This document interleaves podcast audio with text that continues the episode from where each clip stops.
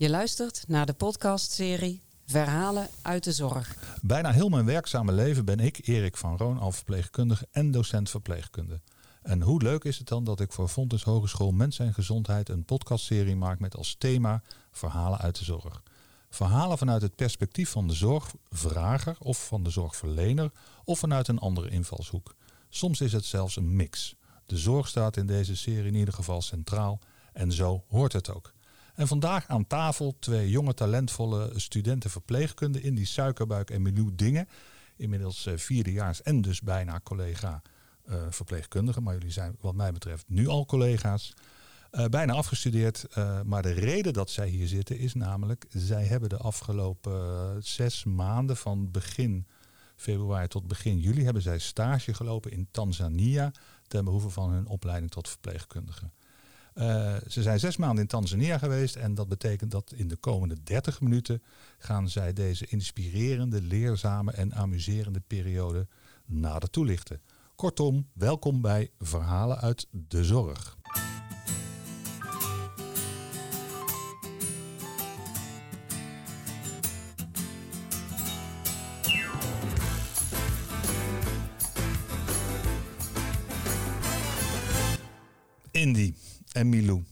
Welkom.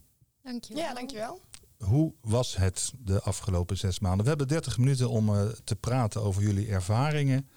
Uh, enige structuur hebben we niet, dus dat is altijd uh, wel fijn. Ben vooral spontaan. Begin bij het begin. Hoe, hoe zijn jullie in Tanzania terechtgekomen? Hoe ging dat? Ja, wij kregen vanuit school te horen dat er een uh, mogelijkheid was om onszelf aan te melden voor uh, een buitenlandse stage. En in ons derde jaar hield die stage dus uh, een periode van zes maanden in.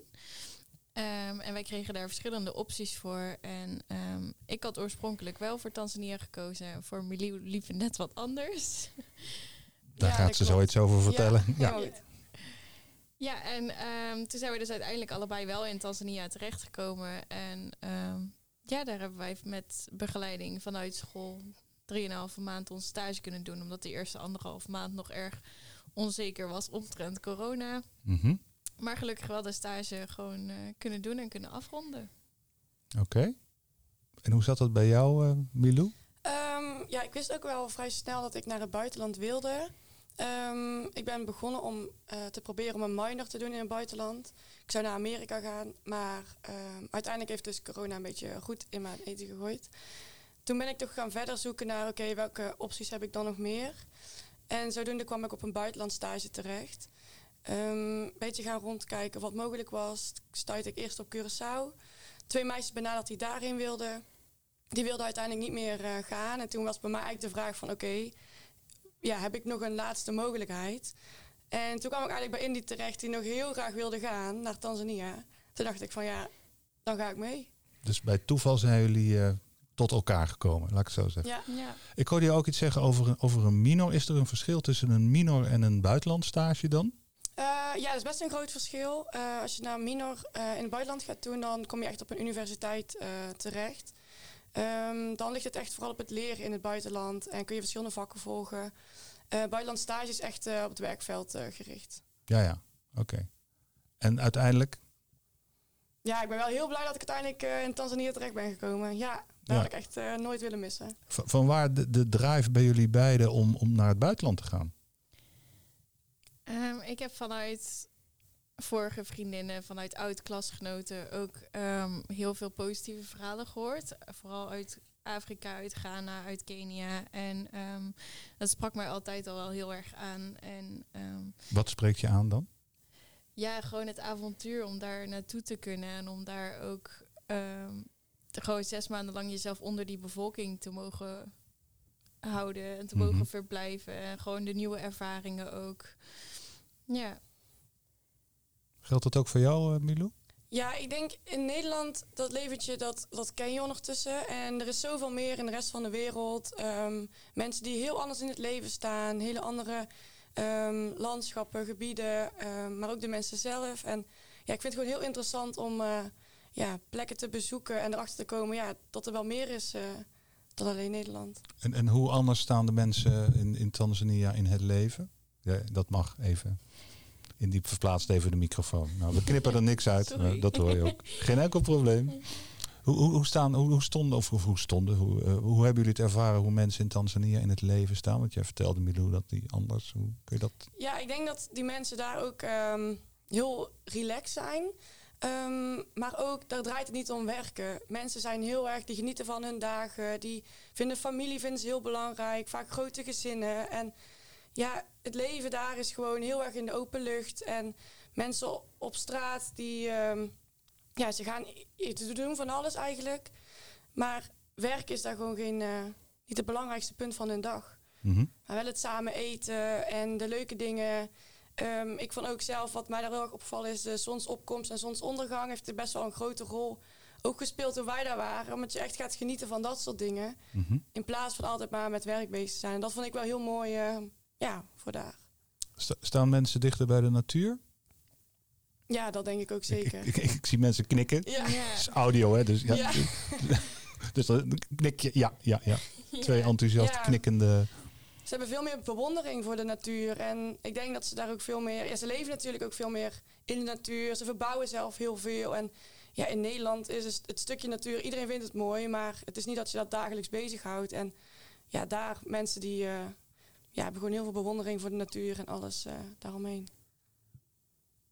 Ja, ik heb het idee dat mensen daar ook gewoon meer dankbaar zijn voor de dingen die ze wel hebben. En daardoor dus ehm, van die kleine dingetjes, net als inderdaad natuur of overdag gewoon lekker met vrienden zijn en met familie eten, dat ze daar meer dankbaarheid voor tonen. En dat Nederlanders de lat heel hoog voor zichzelf leggen. Dat ze echt pas denken dat ze een goed leven hebben als ze het helemaal voor elkaar hebben, als ze een goed betaalde baan hebben, als ze gewoon financieel goed zitten. En dat, dat is denk ik die mindset die heel anders ligt in Afrika en Tanzania dan hier in Nederland. In hoeverre hebben jullie eh, dat, dat ook meegenomen weer terug? Jullie zijn nog niet zo heel lang weer terug in Nederland. Nee, klopt. Hebben jullie nog die, die, die, die vibe, mag ik dat zo omschrijven? Ja, Hoe, hoe merk je dat nu in je dagelijkse, dagdagelijkse leven?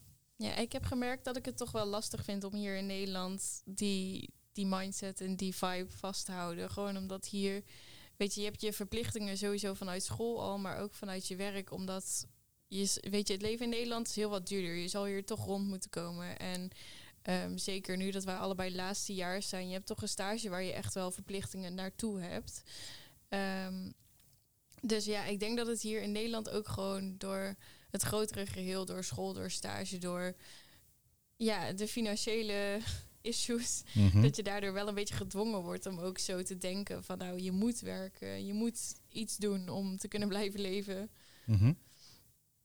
Maar ik denk dat ik na dit jaar, nadat ik afgestudeerd ben, zeker die mindset weer ehm, terug ga switchen naar hoe het in Tanzania was. En dat ik dat echt wel verder oppak van joh, ik wil mijn leven echt wel leven. En dan meer in avontuurlijker zin dan in dat ik elke dag van 9 tot 5 op het werkveld sta. En Oké, oké. Hoe ga je dat doen? eh, mijn vriend en ik die zijn een wereldreis aan het plannen. Aha. Ja, en dat is wel stap 1 van eh, eerst in Nederland wat geld bij verdienen en dan eh, gewoon lekker de wereld over reizen. En we hebben allebei ook echt al wel besloten dat we niet in Nederland blijven wonen. Dus Heb jij dat besluit ook al genomen, Milou? Eh, nee, ik zeg eerlijk, ik vind het heel moeilijk ehm, wat ik hierna überhaupt wil gaan doen. Ehm, ik merk wel dat, ik, dat het wel mij heel erg aantrekt om ook te blijven reizen en ehm, plekken te blijven bezoeken. En ik merk nu ook wel dat ik echt aan het kijken ben van wanneer kan ik weer een reis maken of wanneer kan ik een trip plannen, zeg maar. Dus ja, ik blijf er wel mee bezig. Ja, en wat Indy al zegt natuurlijk, hebben we nu die verplichtingen en dat maakt het op dit moment wel lastiger. Ehm, maar dat houdt me niet weg om eh, toch af en toe niet een weekje ergens heen te gaan om toch eh, ja, dat een beetje te, op te pakken. Oké. Eh, inhoudelijk, jullie zijn daar voor de zorg. In het kader van jullie opleiding tot verpleegkundige hebben jullie daar stage gelopen. Kunnen jullie iets vertellen over de, over de zorg in Tanzania? Hoe is die? In hoeverre is die anders dan in Nederland? Ja, vertel jullie ervaringen. Ik wil verhalen horen. Verhalen. Verhalen uit de zorg. Ja. ja, ehm, het grootste verschil is denk ik toch ehm, de voorraad aan materialen en de scholingen daar, de kennis van de verpleegkundige zelf. Omdat een, eh, een volledig verpleegkundige opleiding daar ook twee à drie jaar duurt. Mhm. Ehm, en je hebt wel verschillende niveaus verpleegkundigen, maar toch het hoogste niveau daar staat niet gelijk aan een volwaardige verpleegkundige, volwaardig afgestudeerd verpleegkundige in Nederland. Ehm, ik denk dat daar wel het grootste verschil in lag, omdat ehm, ze er heilig van overtuigd zijn dat alles op te lossen is met antibiotica. Mhm. Omdat ze daar nooit anders geleerd krijgen. ehm, maar toch wel heel creatief zijn in het werken met de materialen die ze hebben. Het, hetgene wat je daar heel vaak ziet zijn kindjes die verbrand zijn door bijvoorbeeld een waterkoker die op tafel stond. En Mhm. Ja, dat ze daar toch wel met een paar gaasjes en een paar zalfjes echt wel een heel goed genezingsproces kunnen bevorderen. En toch die kindjes nog een prima leven kunnen geven achteraf. En ik vind dat wel iets moois wat wij hebben meegemaakt daar. Gewoon die omgaan met de primitieve manier van, van wat ze daar hebben en hoe ze daar leven. Primitief als je het afzet tegen datgene wat wij in, ja, de, in Nederland hebben. Ja, ja, precies. Ja. Want zij ervaren dat primitieve waarschijnlijk niet als primitief. Of vul ik nu in? Nou, ik had het idee dat ze zelf ook wel door hadden dat ze ehm, het met heel wat minder middelen moesten doen dan ehm, de, de volunteers die daar kwamen, de vrijwilligers. Omdat wij natuurlijk ook donaties hebben meegenomen. En ehm Milou die Mhm. had zelf een hele koffer vol met wondmaterialen. En het gezicht van die mensen toen we het graven was gewoon verbaasd, maar ook heel dankbaar. Gewoon van wow, dit bestaat, we kunnen hier gewoon mee werken. Mhm. Vertel eens, Milou, hoe ging dat? Ehm, ja, ik had eigenlijk vooraf wel zoiets van ik wil graag iets nalaten aan het ziekenhuis. Ehm, ook mijn familie heeft heel erg zijn best gedaan om van alles bij elkaar te verzamelen. Ehm, ja, en eh, via de vriendin van mijn vader ben ik eigenlijk terechtgekomen met een hele koffer vol met wondmaterialen. die hun konden doneren aan het ziekenhuis. En ja, dan is het wel, het is iets wat hun natuurlijk krijgen. Dus we waren super dankbaar ja, voor de, alle materialen. En je merkt wel dat ze een begin wel een beetje hadden van... oh, wat moeten we ermee? Want dat zie je wel. En het is natuurlijk wel een eenmalige gift ehm, naar hun. Dus het is niet eens iets dat ze voor altijd kunnen meenemen. Maar ja, toch op dat moment is het wel iets, ehm, ja, iets heel groots eigenlijk voor hun. Waar ze heel dankbaar eh, voor waren. Oké. Hoe, hoe, hoe zag een dag eruit bij jullie? Waar, waar sliepen jullie? Hoe, hoe, hoe, hoe ging dat? Ehm, ja, wij sliepen in een groot eh, huis eigenlijk met meerdere kamers. Op dat moment waren we eigenlijk de eh, enige twee vrijwilligers. Daar waren nog wel wat mensen vanuit de organisatie eh, aanwezig. Za- Zagen ze jullie als vrijwilligers of als studenten verpleegkunde? Dat, jullie hebben, gebruiken al een paar keer het woord vrijwilligers, vrijwilligers, Ja. volunteers. Vanuit de organisatie waren we echt vrijwilligers. Die, Mhm. Soms dan waren ze ook onder andere, ehm, ja, eh, andere groepen, zeg maar. Dus ook de mensen die in een weeshuis gingen werken op schooltjes. Dus van alles komt er in het huis eigenlijk samen. Dus vanuit het huis waren wij echt gewoon de vrijwilligers. Eh, op stage ben je echt een, eh, een student. Mhm. Ehm, ja, dan waren we dus wel als enige twee. Dus we hadden ook verder geen andere vrijwilligers op, ja, in ons huis. Ehm, ja, wij kregen altijd wel heel netjes een ontbijt aangeboden vanuit het huis. Mhm. Ehm, vervolgens stapten we op de, op de motors. Wij gingen altijd een stukje op de motor. Kwamen ze naar ons toegereden. Zelf rijden of achterop? Achterop, ja. Ah, achterop. Dus er kwamen echt ehm, ja, meestal twee of drie motorrijders op ons af... zodra we de poort uitstapten. en we konden meteen meerijden naar, ons, naar de afzetplek... waar wij dan eh, ja, de Dalla Dalla namen. Dat is een lokaal busje. Oké. Die gewoon eigenlijk helemaal volgepropt werd... eh, als we heel veel geluk hadden, dan zaten er met een paar mensen in, maar dat eh, was wel zeldzaam. Hm. En die zetten ons eigenlijk af, ehm, ja, bijna recht voor het ziekenhuis. Oké. En hoe lang duurde die Dalla Dalla rit? Ehm, ik- Zo'n ja. 35, 30 minuutjes. Oké. En, dus dat was nog wel een ehm, stukje. Ja, met de motor was het altijd vijf minuutjes. Dus je was ongeveer 40 minuten onderweg. Oké. En met de auto was het zo'n kwartiertje.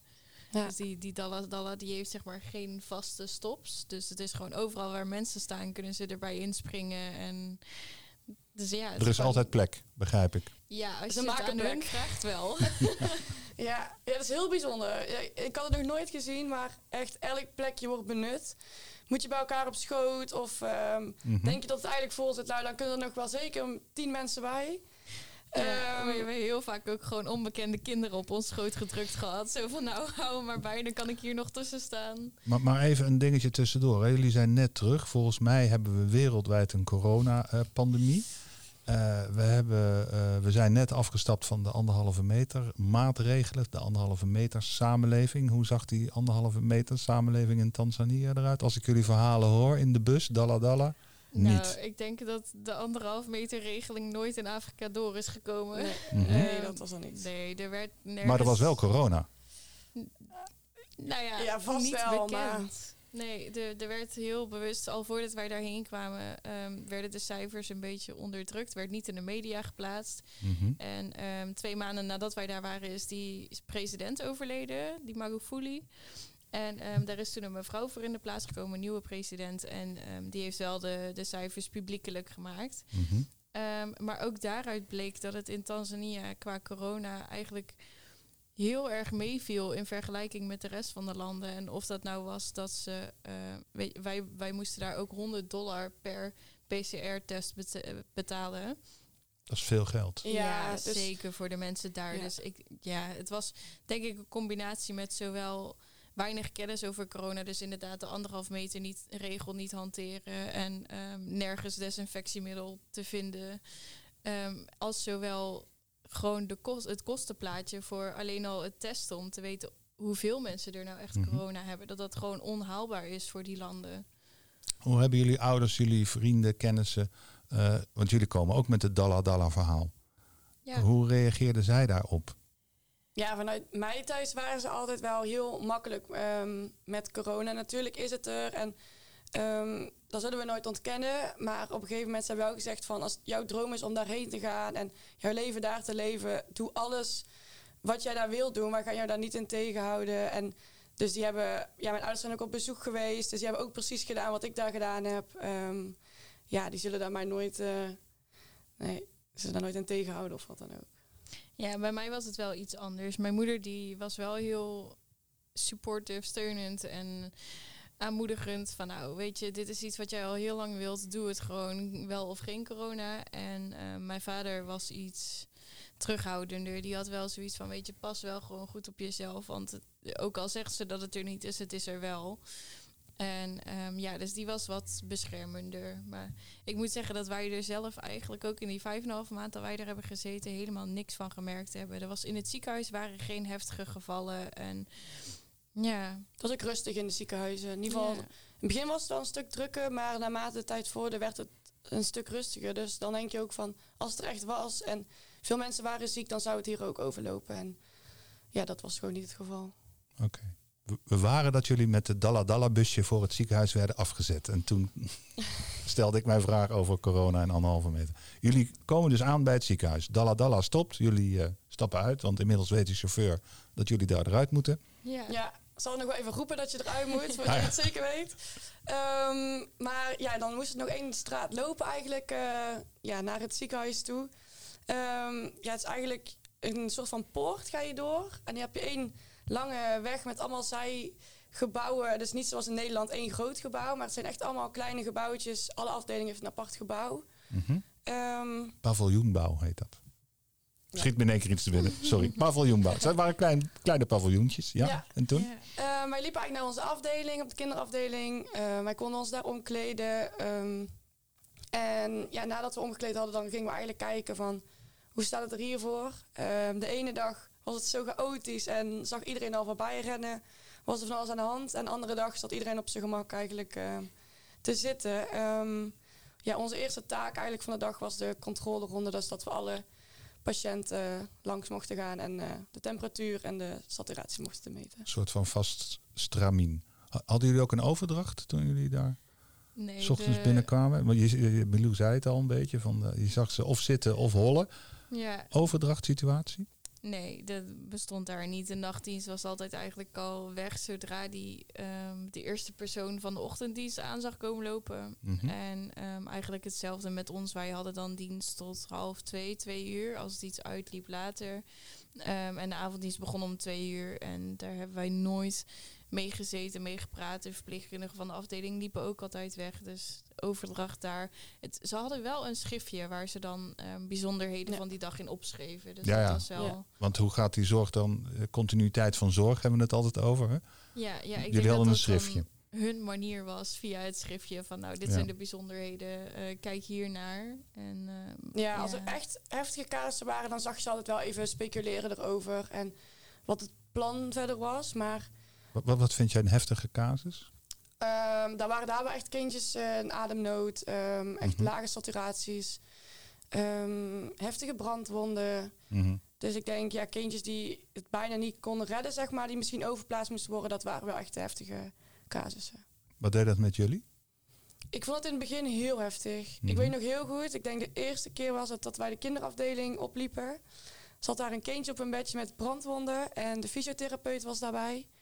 En die ging eens even kijken hoe, eh, ja, hoe ver het kindje alles kon rekken en strekken. En ja, ik, eh, op dat moment was dat voor mij echt zo'n heftig beeld dat het echt op mijn netvlies gebrand staat. Het kindje schreeuwde het uit, gielde het uit. En de fysiotherapeut is op zijn gemak eens even alles eh, te bekijken en te trekken en te rekken. En die moeder die schaamde zich ook nog dat het kind aan het huilen was. En Ja. zich niet of wel? jawel, Oh wel, ja, ik Ja, kon, het was kon niet goed verstaan, sorry. Ja. Ja, de moeders die, eh, die schaamden zich heel vaak als een kind aan het huilen was. Dat, eh, dat hoort daar niet. Je hoort daar geen pijn te uiten. En ehm, ja, ik stond er echt perplex te kijken naar, ja, naar wat er op dat moment gebeurde. Ja, dat is mij echt als de dag van gisteren, of de dag van vandaag is dat bij eh, gebleven. Mhm. Ja. En, en, en nu? Ehm, ik merkte dat hoe langer ik daar rondliep, ehm, je daar anders naar gaat kijken. Natuurlijk, op dat moment sta je nog met de volledige waarden die je meeneemt vanuit Nederland. En ja, je gaat veel meer een beeld krijgen van hoe mensen daarmee omgaan, wat hun normen en waarden zijn. Dus ja, het klinkt eraan te zeggen, maar het, het went. Je gaat meer in hun vibe, in hun werkwijze, ja, daar ga je mee in op. En ja, je kijkt er gewoon niet meer van op eigenlijk. Maar het is misschien ook een stukje zelfbescherming omdat het anders altijd al heel heftig zou zijn. Maar ja, het, het went wel degelijk. Mhm. Ja, en je merkt ook dat je steeds meer ehm, dat de mensen daar gewoon ook bewondering hebben voor dat er überhaupt een fysiotherapeut eh, beschikbaar is en dat die überhaupt naar jouw kind komt kijken en daar aandacht aan geeft. En ik denk dat dat gewoon voor hun weer dat stukje extra dankbaarheid is van het is mogelijk en de manier waarop maakt dan niet uit, weet je, het, het kan. Dus we nemen het voor lief. Ja. ja. Ja. Einde dag, einde dienst. Jullie hebben iets in het eh, schriftje geschreven, of niet? Nee, dat was meer de, de artsentaak. Echt eh, die de diagnose stelde. En die dan. Wij gaven onze ehm, controles van de ochtendronde gaven wij door aan de arts. En die deed dan wel een artsenvisite. Dus die ging ook bij alle patiëntjes langs. ehm, om gewoon een update te kunnen schrijven. Om eventueel de diagnose aan te passen. En ehm, eventuele bijzonderheden schreef zij dan op.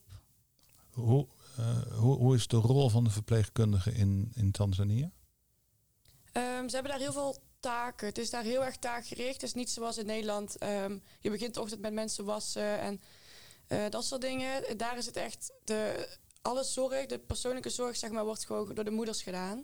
De moeder slaapt ook bij het kindje en die Mantelzorgers. Mantelzorgers. Dus de moeders, vaders eventueel. Ja, dus die slapen ook echt bij het kind in hetzelfde Mhm. bed. En die zorgen voor, de familie zorgt vaak voor kleren, voor eten. Dus al die taken die vallen eigenlijk weg. Dus het is echt een stukje ehm, de handelingen, verpleegtechnische handelingen, eh, medicatie geven, dingen bijhouden, noteren, zorgen dat de dossiers op orde zijn. Ja, ik denk dat dat het grootste takenpakket is daar. Dus met name de technische aspecten van, de, van het Ja, verpleegkundig vak. En eh, emotionele support? nauwelijks. Nee, dat Nauwelijks. bestond daar niet. Nee. Echt als een kindje overleden was, dan was daar toch wel eh, oog voor. Zou de arts ging toch wel vaak met de familie nog in gesprek ehm, ja, uitleggen wat er gebeurd is en hoe nu verder. Dus ik vond daar waren de meeste casussen toch wel oog eh, voor de familie. Ehm, ja, maar dat is ook echt wel het enige. Ja, dat is ook echt dat het tot het extreme moet komen van overlijden. Want ehm, net als als er een infuus wordt ingebracht bij kleine kindjes, dan wordt dat vaak aan de hardhandige kant gedaan. En ehm, je ziet ook zelf dat moeders dan af en toe echt wel medelijden hebben met hun kind. En dat Mhm. ze echt ja, een beetje wegdeinzen ook van, oh, mijn kind heeft pijn. En dat daar gewoon wordt gezegd van, hé moeder, hou je kind te stil, want hij beweegt te veel. En dat daar gewoon totaal niet naar gekeken wordt. Mhm. Ja. Einde dag. Einde dienst. Hebben jullie ook nachtdiensten gedaan, avonddiensten? Alleen dagdiensten? Ja. Ja.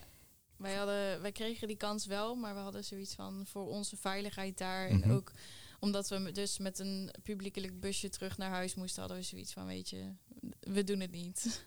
De Dalla Dalla. Ja, de Ja. dada. Zelfde route weer terug. Ja. En dan voor jullie verblijf werden jullie afgezet of stonden de motorrijders daar weer klaar? Ja, je werd eigenlijk op de hoofdweg werd je afgezet. En ehm, vanuit daar was het weer die vijf minuten rit met de motor terug naar ons eh, huisje. Ja, soms even boodschappen doen of eh, andere kleine dingetjes naar het marktje. En Wat, wat deden jullie s'avonds? Ja, heel spontaan. Ehm, soms dan was het gewoon een filmavond die in een club werd georganiseerd. Soms dan was het eh, vijf keer in de week uitgaan daar naar de club. Mhm. en andere weken was het wat rustiger. En dan zaten we gewoon lekker thuis op de bank. En eh, we hadden ook Netflix daar op de tv, dus we hebben ons wel vermaakt. Ja. Maar ehm, Zonder Netflix? Ja, maar ik vond wel de belangrijkste punten waren ook wel het uitgaan. Daar kwamen eigenlijk alle vrijwilligers wel samen. Je leert daar heel snel eh, mensen kennen met eigenlijk dezelfde ehm, ja, doel. Die zijn ook op reis, die zijn ook daar aan het werk en dezelfde ervaringen. Dus het zijn wel mensen die een beetje in dezelfde bubbel daar leven. Om daar, eh, dus ik vond dat ook wel heel leuk om daar eh, altijd heen te gaan. En, eh, Je hebt het ervaringen, heb je het al over. Hier op mijn briefje staat een soort van spiekbriefje ervaringen. Welke positieve ervaringen nemen jullie mee terug van jullie stage in Tanzania? Ik denk het stukje verantwoordelijkheid dragen voor je patiënten. Je werd daar heel erg losgelaten en je werd daar als blanke echt gezien als alwetend. Dus iedereen die, die had zoiets van, weet je, we laten jou los, we laten jou je ding doen. En als er iets is, dan eh, kom je maar naar mij toe. En ehm, ja, dat stukje verantwoording voor je patiënt dragen, dat is echt wel iets wat mij veel geleerd heeft. En Mhm. wat ik ook zeker meeneem in mijn volgende carrière. Ja, ja, voor mij is het ook wel ehm, een stukje. Ja, kijk, in Nederland is alles heel gestrest. En gebeurt er iets, dan is is nog net niet de paniekmodus, maar alles wordt meteen ehm, vol adrenaline gedaan. En ik denk dat ehm, in Tanzania is alles veel rustiger. En natuurlijk, op soms, op sommige ja, momenten was het misschien te rustig, te laks. Maar ik neem het wel voor mijzelf mee om rustiger te blijven in zulke situaties. Om helder te denken en na te gaan wat ik nou echt zie en wat ik ga doen. Ja. Dus dat heeft voor mij niet, eh, ja, om niet meteen in de paniekmodus eigenlijk te raken, maar echt na te gaan ja, wat er nou precies gebeurt. Zijn er dingen die er minder positief uitkomen die jullie het liefste achter willen laten? Ehm, ja, Het feit dat je er al over na moet denken, heel hard, ik zie jullie heel diep denken. Ja, ik denk uit de ervaring van Tanzania ehm, zou ik niks door de wc willen spoelen. Die ervaring daar was gewoon hartstikke top. Maar ik denk meer de Nederlandse denkwijze van eh, wat Milou net ook zei. Dat mensen hier die leven echt om te werken. En daar is het gewoon, werk is gewoon een bijzaak in het leven. En eh, niet alles draait om werk. En familie en vrienden zijn zoveel belangrijker in het leven daar. Dat dat zeker iets is wat ik mee ga nemen en waarvan ik zou hopen dat Nederland het door de Je wc draait het om, je draait het om. Je neemt het, de, de positieve vibe vanuit Tanzania wil je meenemen. En hier wil je iets brengen dat Nederlanders iets door de toiletten gaan... sp- Want je wist dat het toiletspoelgeluid eraan eh, Ja, ging komen. ja. Dus kan je het nog één keer mooi zeggen? Want dan ga ik, gaan we aftellen ondertussen. Nou, de Nederlandse denkwijze mag in de wc. En dat is de Nederlandse denkwijze met betrekking tot... Leven om te werken. ja, geniet van het leven. Nou, daar gaat hij. Je werkt. Je le- nou, hoe was dat, ook weer? er, er is meer dan werk. Ja. Er is meer dan werk. Ja. Oké, hartstikke mooi. ik zit er nog even over na te denken. Je hebt helemaal gelijk. Eh, dan heb ik altijd nog een andere vraag. En dat is namelijk de koppeling eh, tussen, eh, tussen het leven in Tanzania en muziek. Er zijn vast wel eh, momenten geweest. Want muziek eh, brengt een herinnering, geeft een herinnering. Als je dat muziekje hoort, denk je meteen weer aan dat moment. Je ruikt het zelfs misschien wel. Is er voor jullie een, een muziekje, een, een artiest, een song? Een, jullie zijn heel veel in die clubs geweest, dus er zal vast wel iets, ja, zie iets gedraaid zijn. Wat jullie, als ik dat nu op zou zetten, wat jullie meteen weer terugbrengt naar Tanzania. Waar zaten jullie trouwens in Tanzania? In eh, Arusha. Oké, dan hadden we eigenlijk helemaal aan het begin moeten doen. Arusha, Tanzania. Ja, we hebben Muziekje. één nummer die eh, tijdens uitgaan ook vaak gedraaid werd. En dat is een nummer die door een hele bekende artiest in Tanzania is gemaakt, Diamond Platinums.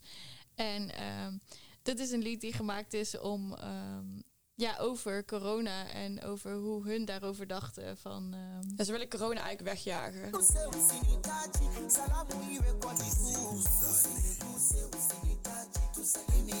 Je staat wel heel hard, man. De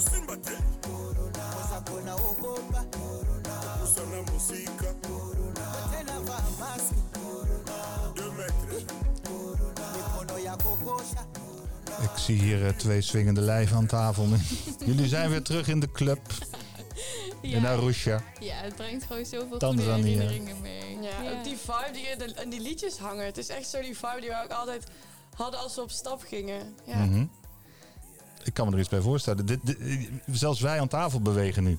Zelfs ik met mijn aritmische gevoel. Ja, jullie lachen me uit. Ik heb het in de gaten. maar goed, laten we maar snel die muziek uitzetten dan. Nee, we zitten ook met copyright en dat soort dingen. Dus, eh, eh, de naam van de artiest nog een keer. Diamond Platinums. Diamond Platinums. En het heet... Eh, wa. Wow. en je hoorde inderdaad dat er ook iets van corona in zat. En daarmee willen ze corona wegjagen. Nou, dat is als ik jullie verhalen zo eh, beluister, is dat eh, goed gelukt. Tenminste, in hun perceptie. Ja. ja. Ja, nou hartstikke, hartstikke boeiend om jullie eh, eh, verhalen te horen.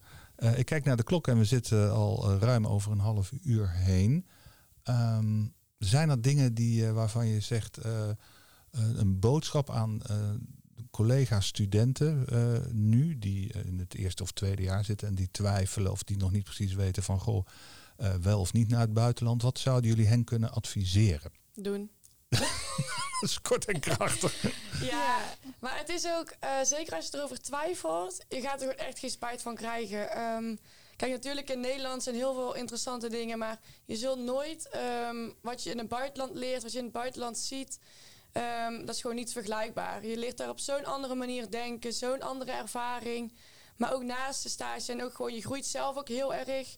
Ehm, ja, omdat je toch wel in een ander land gewoon bent en jezelf daar moet gaan redden voor een half jaar. En ja, ik heb daar gewoon echt als een, eh, ja, als een hele geweldige ervaring eh, ervaren. Dus eh, ja, ik zou het altijd doen. Als je twijfelt, dan eh, zeker doen. Neem contact op met Milou en dan komt alles goed.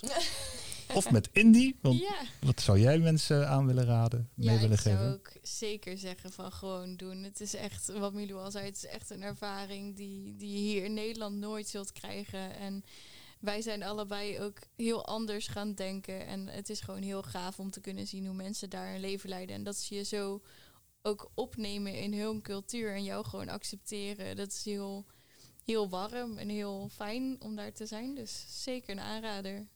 Dat lijken me mooie woorden om eh, af te sluiten. In die suikerbuik Milou Dingen. Ik ga jullie heel erg danken voor jullie eh, openhartige verhalen over jullie eh, stage in eh, Arusha, Tanzania. Heel erg dank dat jullie er waren en eh, ja, een rijk leven verder. En je werkt niet om te leven, hè? Nee.